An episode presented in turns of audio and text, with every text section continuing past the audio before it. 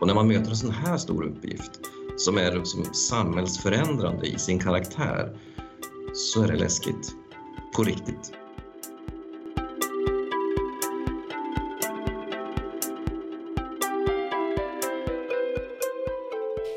Hej, vad kul att du har hittat till podden Framtidskraft. Det här är en podd där vi pratar om framtiden för energibranschen. Vi sneglar utåt och hämtar inspiration ifrån andra branscher. Vi kanske sneglar åt sidan.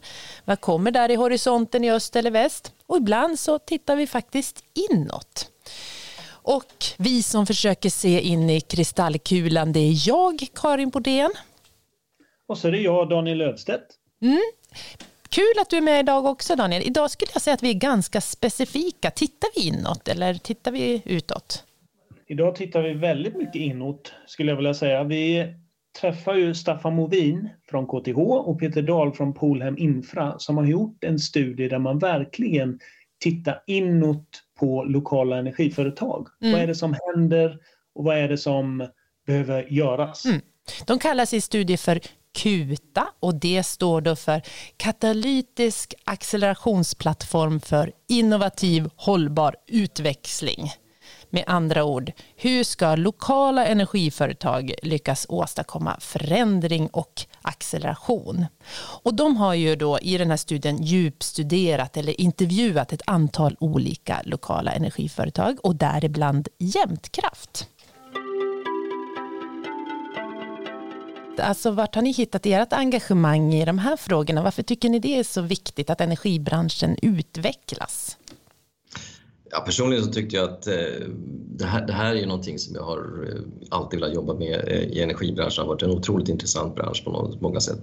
Eh, men jag såg också utmaningarna i tidigt skede här. Ehm, och det här var ju ett, ett, ett eh, ett svårt ska vi säga, steg tyckte jag nog att, att, ta för energibolagen och jag tycker nog att det fanns mer att göra. Eh, så där tyckte jag någonstans att här finns det saker att, att lyfta fram och titta närmare på.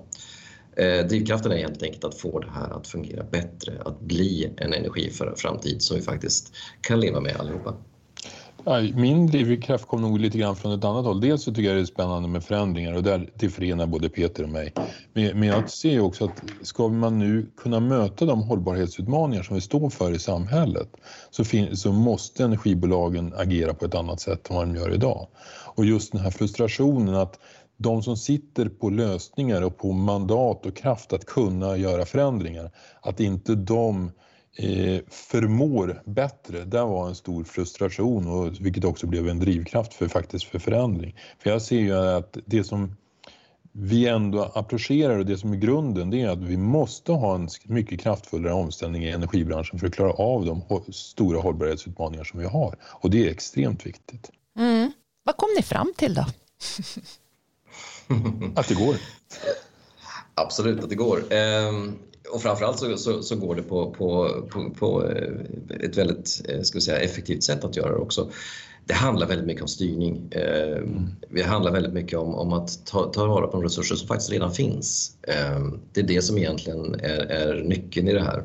Ja, och dessutom så är det som så att det, som, det finns en tradition och det här jag brukar skoja och säga som så att de, de som kanske har varit värst att skapa inlåsningen, den här eh, oviljan att förändras, kanske den akademiska kulturen med, med energiutbildningar som hela tiden syftar till att bygga på effektiva strukturer i alla lägen. Och där man glömmer bort att det som vi nu behöver vara är att vi måste möta kunderna, vi måste ta in prosumenter i lösningar, det kommer mikrogrids, det kommer en helt annan dynamik med digitaliseringen in i det hela.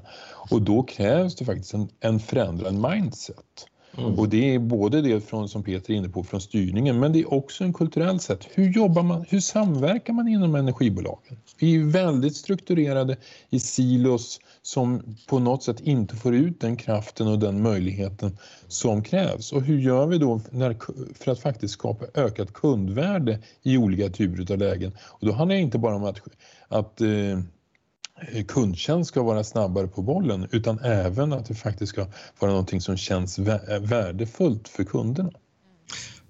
I tillägg där bara kan man säga att eh, det handlar också om samarbete med andra parter utanför ja. energibolagen. Eh, där har vi ganska mycket att lära av andra typer av industrier, mm. eh, tror vi. Och det här var egentligen nyckeln, nyckeln också där vi kom fram till. Vi trodde nog att det här skulle handla väldigt mycket om teknik och tekniksatsningar men det kom att handla väldigt mycket om styrning och kanske också finansiell hantering. Mm.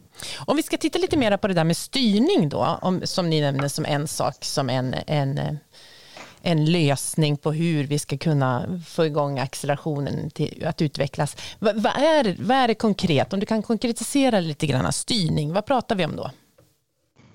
Ja, egentligen så, så, pratar vi om, jag har kommit till att kalla det, jag vet inte om det är rätt för eh, här har jag inte pratat med Staffan så mycket så får vi säga till, eh, tillgångsvård egentligen. Vi sitter på en, en massa tillgångar, eh, värdefulla tillgångar. Eh, vi har kanske inte förmågan att vårda dem på bästa sätt för att se till att det här också lösgöra en, en kraft i företagen. Eh, Egentligen, gott, kort och gott, vi har byggt upp stora värden som vi kan nu utnyttja till att investera i nästa fas, om vi gör det på rätt sätt.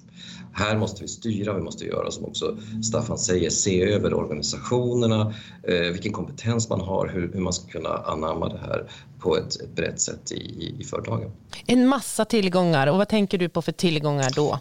Ja, alltså det är egentligen allt som energibolagen gör. Allt ifrån fjärrvärmeproduktion, nät, solparker, vindkraftparker, allt vad vi har. Mm. Ehm, det är stora värden som vi har byggt över. Ehm, alla de här också ger ju en styrningssignal till styrelse och, och ledare och ägare. Hur då ehm, menar du? Hur då mm. menar du styres, styrningssignal? Ja, egentligen, egentligen så handlar det om att det är väldigt mycket pengar som ligger i de här bitarna och det tar väldigt mycket uppmärksamhet. Ehm, och den här pengamassan eh, styr agendan för både ägare och styrelse i väldigt hård utsträckning märker vi när vi går in och tittar på de här bitarna. Och det cementerar lite grann det gamla synsättet. Jag, skulle vilja komplettera det för att det, det, det, finns faktiskt en annan aspekt. Jag håller med eh, Peter om just det här att du faktiskt har en, en hård balansräkning. Men det som också är en utmaning i det hela som man glömmer bort det är egentligen om man backar ett steg. Det är egentligen vad ska man styra emot? För det vi faktiskt har sett här nu det är att eh, de kraven som ställs på energibolag runt om i Sverige och även internationellt blir bara större och större. Möjligheterna som vi började med, möjlighetssfären är enorm.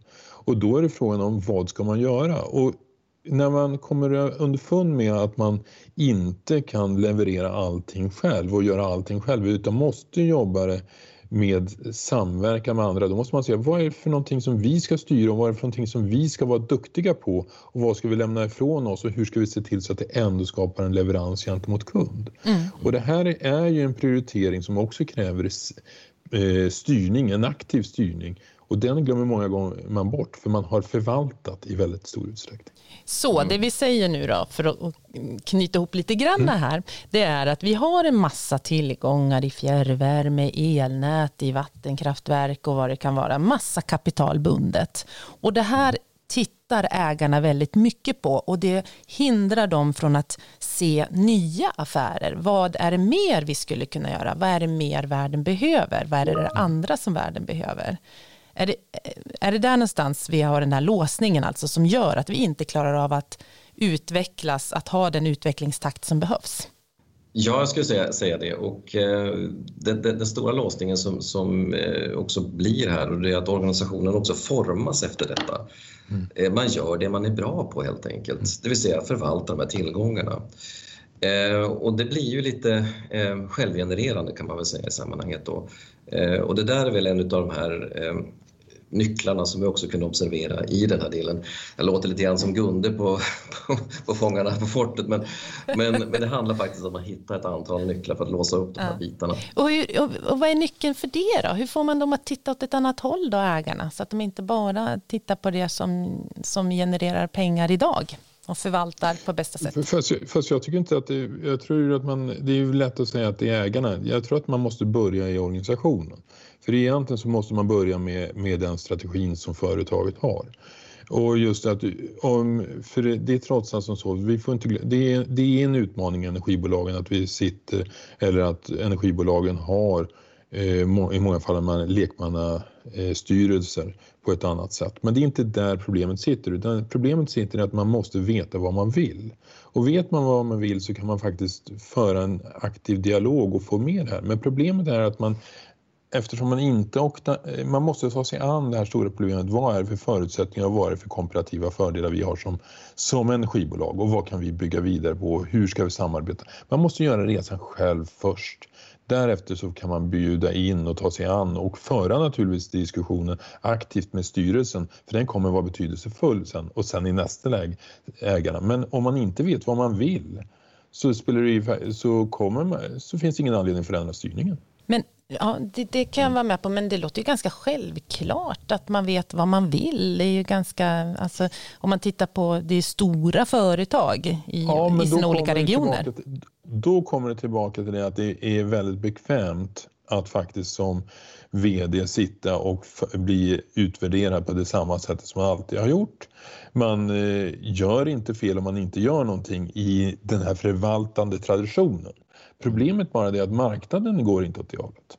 Problemet är att det är lite grann att man tycker att det är skönt här och nu men om 5, 6, 7, 8 år så kommer marknaden ha förändrats på ett helt annat sätt och det gör att det kapitalet som vi går tillbaka till det som, som ändå ska förvaltas helt plötsligt blir mycket, mycket mindre värt och man kommer inte heller kunna ta sig an de, de kraven som finns på energibolagen för att nå en hållbar utveckling. Samtidigt så kan jag tänka att det är svårt för en organisation att, som, det, som vi är just nu i energibranschen, så är vi många som vet att det, vi måste förändras, världen behöver någonting annat ifrån oss än det vi alltid har levererat tidigare. Men vi vet fortfarande inte riktigt vad, vi har inte svaret på det riktigt. Det är ganska svårt att hitta det där, tänker jag, vad det är vi ska leverera. Mm. Ja, absolut, och så är det eh, för väldigt många. Eh, vi ska också kanske komma ihåg att det är offentliga bolag vi pratar om här i mångt och mycket. Ehm, vi, vi, vi tenderar till att svepande prata om energibolag, men, men det är offentligt, lokalt förankrade energibolag vi pratar om. Eh, och I den här världen så, så det, det, är en, det är en otroligt stor utmaning vi har att, att ta oss an och även om man nu heter i det här fallet då kanske Jämtkraft så är man inte så stor i det, i det sammanhanget. Och det kan kännas någonstans att, att det här blir nästan övermäktigt även för ett sådant eh, fint och välskött företag som Jämtkraft. Um, så det här är ju egentligen en, en, en, en, en ska vi säga, början på en, en ny eh, tid av samarbeten, en ny tid av eh, engagemang också. Eh, om, man nu bara backar tillbaks till eh, ska vi säga 60-tal eller 70-tal när de offentliga verksamheterna sattes igång. Då var man ganska riskvillig man prövade tekniker som inte fanns, man, man anlade fjärrvärme, ingen visste vad det var i stort sett. Eh, man tittade på elsystemen, man, man, man eh, grävde till och med ner i södra Sverige gasnät och så vidare och så vidare och kärnkraften byggdes. Man var ganska riskvillig med offentliga medel. Men allt eftersom det här har växt och det blir väldigt stort så blir man ju såklart mindre riskvillig för då, då har man ju helt plötsligt någonting att förlora. Och det vill man ju såklart inte göra, eh, även om man nu kanske räknas som stor. Och när man möter en sån här stor uppgift som är liksom samhällsförändrande i sin karaktär så är det läskigt. På riktigt. Mm. Och det är svårt att sitta i styrelsen och titta på den här balansräkningen och tänka att okej, okay, ska vi sätta den här på rättbordet eller inte? Mm. Och jag tänker på det här med, med risk. Hur, eh, som du säger, vi har jättemycket att förvalta. Eh, en viss typ av avkastning på det. Och så sen om vi ska förändras så är det kanske emot eh, kundgränssnitt, det digitala. Hur ser mm. riskbilderna ut? Är inte de väldigt olika och kan man hantera det i ett och samma bolag? De är väldigt olika och, och, det är det här som jag tror är svårigheten för, eller som vi har märkt när vi har diskuterat, svårigheten för eh, energibolagen att ta till sig. Vad innebär de här förändringarna? För att det, det, är, det finns ingen inom energibranschen tror jag som inte förstår att det kommer prosumenter, att digitaliseringen har påverkan, att vi kommer med, eh, med solenergi och det kommer med vindenergi. Det är alla medvetna om. Men att därifrån ta den här omvärldsbevakningen till att börja sätta det i sin egen kontext och se vad betyder det här för oss och vad ska vi agera på? Mm. Den resan, att orka, förmå och kunna hantera den, den är den tar tid och den kräver också att man, man faktiskt blir eftertänksam. Och när vi, vi jobbade ju nu i det här projektet med energibolagen med fem olika energibolag under, under ett och ett halvt, två år. Och det tog en ställtid för energibolagen och för oss att faktiskt hitta vad det är för, för någonting. För det dyker upp massvis med hinder och säger man det här är problemet. Men mm. det är inte det som är problemet. Problemet är att man inte bottnar själv i vad de här innebär och att man tar till sig de problemen. Det är så lätt att se snabba, enkla lösningar. Skulle man säga att det behövs mer entreprenöranda i energibranschen? Absolut. Ja, eh, det kan jag tycka, tycka, också. Men det måste, måste också finnas utrymme för den här entreprenörandan. Mm. Eh, Vad skulle den bidra till? Förlåt? Vad skulle den bidra till, entreprenörandan? Ja, men jag, tror, jag tror att, att ett, ett utforskande är alltid bra. Eh, att hitta någonstans eh, nya uttrycksformer för, för ett företag, också intäktsmöjligheter såklart i sammanhanget. Men som vi också såg i, i den här undersökningen så kan man väl säga att det finns också en inneboende spänning i det här. De som sysslar med den här stora, tunga balansräkningen är ju väldigt, har ju väldigt långa horisonter, tittar långt bortom 20 år och så vidare. Medan de, de som springer på kunderna och accelerationssidan har väldigt korta horisonter. De här två förstår inte riktigt varandra. Och det gäller att ge dem utrymme för de, de båda behövs. Men det är också en balansgång mellan de här två båda ytterligheterna. Ja, det, finns en, det finns en annan dilemma här och egentligen, jag, jag är helt övertygad om entreprenörandan men den måste faktiskt omfatta hela organisationen, även de, den, den tunga delen som sitter på förvaltningssidan. För det är också en väldigt viktig del att de delas med i entreprenörandan och omställningen. För det som är väldigt vanligt och det här ser vi i kommuner, vi ser det i energibolag, det är egentligen att det har blivit en projektsjuka. Man ser ett problem, man sätter till ett projekt och så, så tror man att man löser den och sen så tar man inte de, de strategiska konsekvenserna utav det. Mm.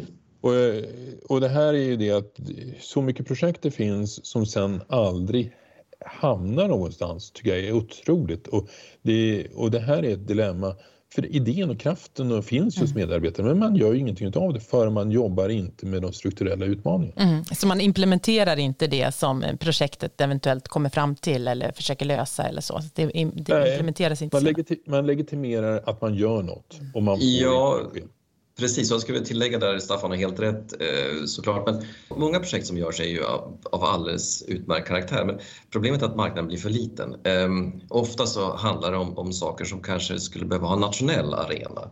Ehm, datainsamling, ehm, vi, vi, vi, vi, pratar om, om eh, kundnära energianvändning och så vidare, att, att styra det här på ett bra sätt. Men, men, men det blir för lite marknad lokalt och då måste man gå nationellt på något sätt någonstans. Och då får man helt plötsligt helt nya typer av konkurrenter. Då pratar man, pratar man om kanske datakonsulter eh, och annat som har kanske mer eh, av en konkurrenskraft på nationell nivå. Mm. Och det är här som jag tror, och det, det är det också vi såg i projektet, att här måste vi in med samarbete. Vi måste hitta de här som vi kan också utnyttja deras kunskap om hur man skalar upp och får eh, kommersialitet i de här idéerna som vi då för fram. Mm. Så det kan bära sig in i framtiden. Eh, hitta ekosystem för det. Så det du menar är att vi, vi energibolag egentligen är för små för att kunna utveckla de här tjänsterna gentemot kunder. Vi behöver, det finns några stora energibolag i Sverige, de ska vi inte glömma, som har jättemånga kunder, men alla vi andra vi är egentligen lite för små. Vi behöver jobba ihop för att eh, få till de där tjänsterna eh, och kunna erbjuda mm, eh, kunderna det. Ja, men det, det, i de flesta fall så kan det vara så. Ehm, det finns såklart områden som skulle kunna vara lokala också, men, men ska, det, ska det bli en stor sak av någonting så måste marknaden finnas där. Det måste finnas en betalningsvilja, det måste finnas kunder som kan leverera intäkter till företaget och ofta så räcker det inte med staden utan det måste finnas någonting annat. Um, och det ser vi också faktiskt. Det är lite roligt i sammanhanget här att, att några av ehm, energibolagen här börjar ju samarbeta på vissa områden för att just hitta de här större marknaderna som kan generera en, en, en kommersialitet i projekten, vilket jag tycker är, är väldigt intressant. Ehm. Men, men sen samtidigt, det här skapar ju väl, det här är ju den utveckling som energibranschen måste gå mot. Samtidigt så skapar det då väldigt mycket styrningsproblem inte minst kopplat till kommunallagen och hur man uppfattar då vilket område man ska vara på. Mm. Vilket gör att det här är ju egentligen en gordisk knut som mm. vi just nu sitter i. Hur ska man faktiskt kunna ta sig an de kraven för att kunna möta hållbarhetsutmaningar? För vi har inte råd i varje energibolag att lösa det själva. Det kommer inte funka. Och då blir det istället som så att det, lösningen blir då att det kommer in teknikleverantörer mm. som tar som säljer lösningen istället för eh, energibolagen som, ska, som har närheten till kund och till marknaden. Just det. Mm. Eh, skulle ni säga att energibranschen är förändringsbenägen? Vilken del av den? Ja, precis. Ja, det, var, det var en bra fråga, en svår fråga. Um, nej, men jag, jag, tror som Staffan säger också, det, vi, vi, har, vi ser ju enorma förändringar inom vissa områden.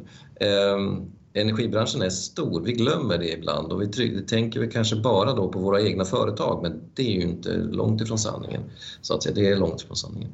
Ehm, däremot i energiföretagen där finns det ett behov av, av, att hitta en accelerativ kraft. Det, det tror jag nog. Ehm, men, men det är just därför som man kanske ska titta på de som gör den här förändringen nu utanför företagen och se vad, vad kan det finnas för samarbeten och hur kan man jobba med, med, med dem i sådana fall. Ni pratar väldigt, ni återkommer till samarbeten. Eh, ni pratar mycket om det och ni är inte de enda som pratar om mm. samarbeten och samverkan och partnerskap inom energibranschen varför händer det inte mer på den arenan? Varför händer det inte mer där? Ja, alltså, jag tror att det, eh, det, är väldigt lätt att prata samarbeten men jag tror att det man glömmer bort är att när man ska, när man ska ha fungerande samarbete så måste man lämna ifrån sig en del av det egna inflytandet och lita på andra. Eh, och när det har varit, som många energibolag, varit i ganska monopolistisk ställning lokalt så, har man väldigt, så förväntar man sig att vara den stora och starka. Men i många av de här samarbetena som man må, behöver ta så blir man faktiskt inte den dominerande aktören utan man måste se till att man är en annan typ av aktör. Och man måste faktiskt lämna från sig makt och lämna från sig inflytande och det innebär att man måste faktiskt också hantera de här nätverken utifrån att man faktiskt inte vet helt och hållet vad det är för någonting som komma skall. Mm. Och det här är en jättesvår konstellation från, och ännu mer då när man har en konservativ för, förvaltningsorganisation som inte vill ta någon risk. För man måste faktiskt hantera den här, då kommer vi tillbaka till den här förändringsbenägenheten och viljan att faktiskt vara omvärldsbejakande som faktiskt krävs i väldigt många delar. För att det krävs att hitta hur jobbar man med samverkan och inte bara för det, och tillbaka, eh, ofta så är det som så att man investerar i någonting, sätter det på, på en tredje part och sen tycker man att man gör det. Istället för att faktiskt jobba med det här integrerat i företagen. Och tillbaka till de här stora industriföretagen som jag exemplifierade förut. Det kräver också organisationsanpassningar för det här. Och det, man, det har man inte varit villig att ta utan man sköter sina silos istället för att se till hur bygger man upp det här och hur får man det här att komma med. För det, det, det finns ju trots allt väldigt många sammanhang som driver energimarknaden idag där energibolagen inte är inbjudna för att vara med i utvecklingen. Kan du nämna något exempel? Jag blev jättenyfiken. Vi har, vi har ju tagit lite grann där. Tittar man på, på den eh, prioritetslistan som, eller de närmast, nära samarbetena som finns i Hammarby sjöstad så är det inte några energibolag där. Och de lever ändå som en, en eh, smart eh, en, en utvecklingshubb, en testmarknad för nya lösningar. Och då pratar man om Internet of Energy istället för energibolagens lösning. De här samarbetena då, där du säger vi måste släppa ifrån oss makt, vi, vi kan inte se oss som de stora. Det är alltså ett nytt synsätt där på hur vi ska ja, men sluta avtal helt enkelt. Ja, absolut. Och det, det, det, du nämner nu på är ju oerhört viktigt. För, för, att sluta avtal eller överenskommelser med andra är vi nog kanske också eh, vid behov av att se över. Eh, vi kan kanske i viss mån kundrelationen, även om man, man kan fundera över hur vi har skött den eh, genom åren. Eh, men att hitta samarbetspartner som vi kan växa tillsammans med och precis som Staffan säger då, dela makt och inflytande med. Där har vi mycket att lära av andra. Eh, och det här kommer ju tillbaks också till, till hur vi också uppfattar risk. Mm. Vad ger vi in och ger vi oss in i det här läget? Och det är klart att det är läskigt att inte ha full kontroll i, i alla sammanhang. Men det är det vi kanske behöver för att också då när vi lämnar från oss någonting som Staffan pratar om så vinner vi ju någonting också. Det är inte bara att vi ska ge upp någonting utan vi ska vinna någonting också. Och vi ska ju vinna såklart en närhet till kunden, en kommersialitet, en, en, en också en, en, en, bättre lönsamhet, ett värdetillväxt för energibolaget som ska bära oss in i nästa generations samhälle. Och då kommer vi tillbaka till begreppet tillit. Mm. Det är otroligt viktigt att bygga tillit mellan parterna. Mm. Det är trots att om vi går tillbaka till historiken, även om den haltar lite grann, så te, Televerket Ericsson, det var tillit som byggde det, båda förutsättningarna för, för dem att utvecklas. Likadant, eh, likadant Vattenfall ABB. Alltså du har haft de här starka relationerna som faktiskt också har tagit teknik och affärs och utvecklingssprång. Och det har gjorts i samverkan för att man sitter på olika typer av kompetenser och många av dem starka industriföretagen vi har idag har ju blivit otroligt duktiga för att de har varit duktiga på att utveckla kundernas affärer.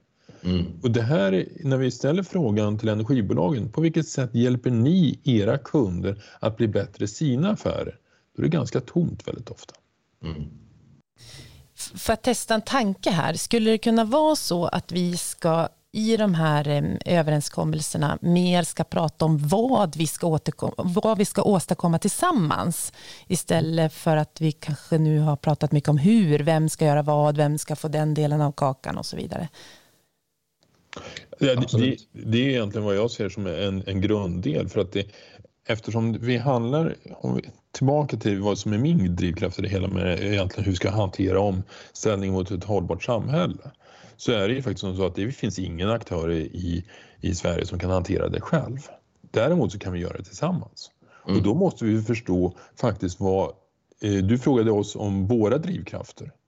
Men fråga kunderna om deras drivkrafter och bygg en affär kopplat till det och se hur gör ni för att balanseringen och, och rätt typ utav, utav lösning kan komma dem tillhanda. Då börjar man bli en strategisk partner och då börjar man se vad de vill skapa och vad som är viktigt för dem. Och det spelar ingen roll om det är ett fastighetsföretag eller om det är ett industriföretag. De har väldigt tydliga målbilder vad de ska göra med sin affär. Men det är väldigt sällan man har byggt upp stödprocesser som hjälper kunderna att utveckla sina affärer.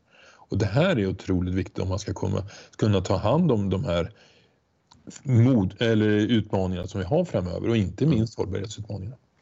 Ja, absolut. Och om vi nu på allvar tror att vi är inne i en omställningsperiod så är det ju, ska vi säga, är ganska konstigt om vi inte skulle börja vara mer lyhörda, om vi inte skulle söka samarbeten, om vi skulle stå kvar med, med det vi har idag och säga att ni får komma till oss och det här tror jag är, är väl en av um, de stora ska vi säga, utmaningarna för, för energibolagen. Att vi, vi tror nog att vi har lösningen, men vi har kanske inte riktigt den. Och nu pratar jag energibolagen som, som offentliga mm. eh, ja, mm. energibolag, då. Mm. inte bara energibranschen. Eh, det går fort där ute, det går våldsamt fort. Just det. Nu har vi pratat om en del olika hinder vi har varit inne mm. på under det här samtalet. Ehm, ser ni något mer hinder som ni tycker ändå känns eh, viktigt att vi lyfter här i det här avsnittet? Jag tycker det finns en sak till faktiskt som, som, vi, som är egentligen kopplat till, till stöd och till till styrning och det är faktiskt egentligen kapitalet. Eh, vi har inte pratat så mycket om finansiering eh, och vi egentligen, handlar om egentligen hur får vi finansiering till olika typer av satsningar. Och det här är otroligt viktigt för, för faktiskt att, eh, för det är trots att kapitalet har ett syfte oavsett om det är internt kapital eller om det har ett kapital som, är eh, som eh, finns i externt eller internt kapital. Så på något sätt så måste man också förstå kapitalets makt för förändring. Och när man tittar på de flesta om vi tittar på de flesta satsningar som gäller när det gäller marknadsförändringar så är det en dimension man glömmer bort. Och det här är någonting som, är, som finns nu ett antal olika initiativ runt omkring när det gäller samhällsförändringar på stort. Hur kommer kapitalet in? Till exempel om vi tar järnvägen mellan Stockholm och eh, Oslo så är det som så att för att den ska kunna bli möjligheten då är det en blandning mellan privat och offentligt kapital och inte bara privat, man eh, går ut på marknaden och tar pengar. Nej, det är som så att pengarna är riktade mot olika typer av avkastningsnivåer och vilka förutsättningar det har. Och det här är någonting att tar man inte med ekonomin i de här förändringsprocesserna så kommer man också komma väldigt mycket kort.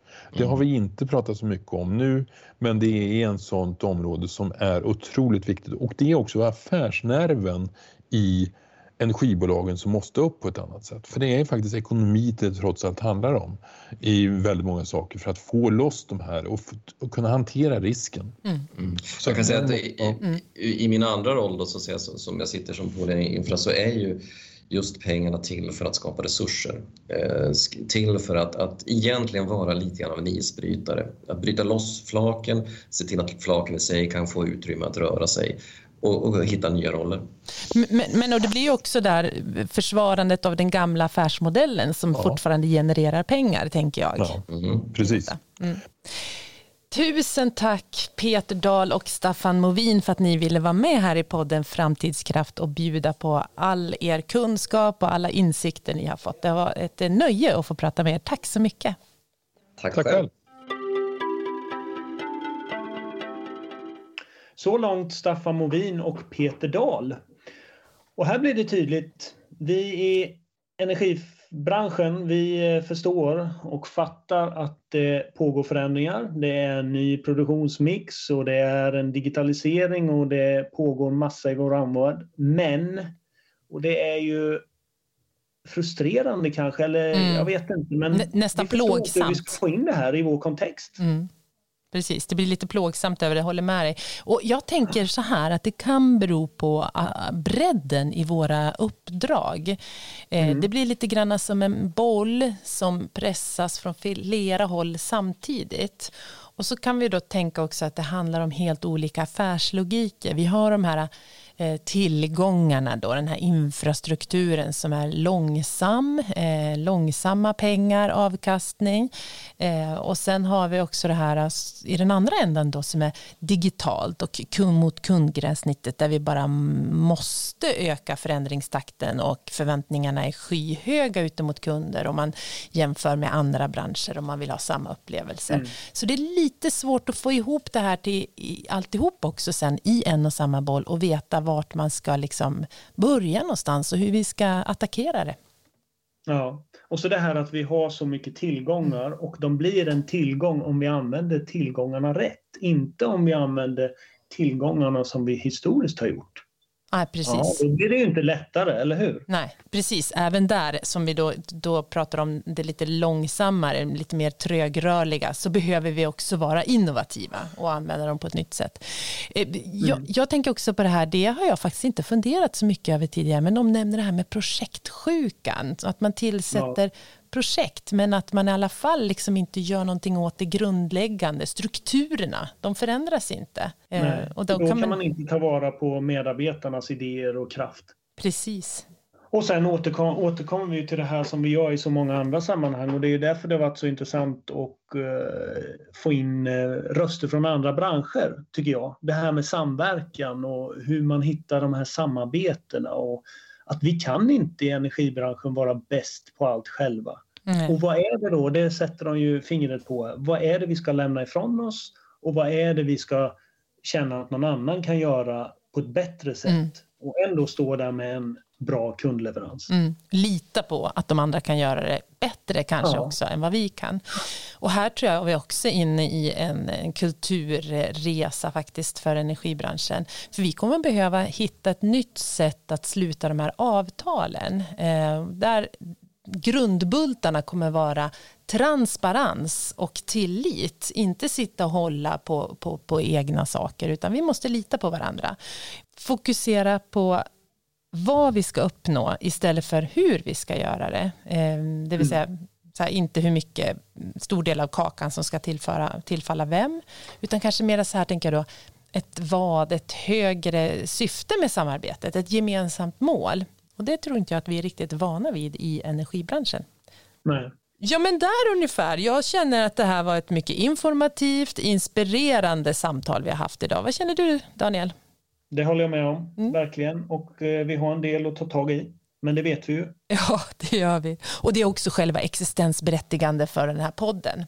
Eh, och därmed så vill jag tacka så jättemycket för att du har varit med oss, Daniel och mig, och lyssnat. Och om du har åsikter på någonting du hör eller vill fundera på eller bara ja, vill lägga till så går det jättebra att mejla direkt till mig på karin.boden.jämtkraft.se.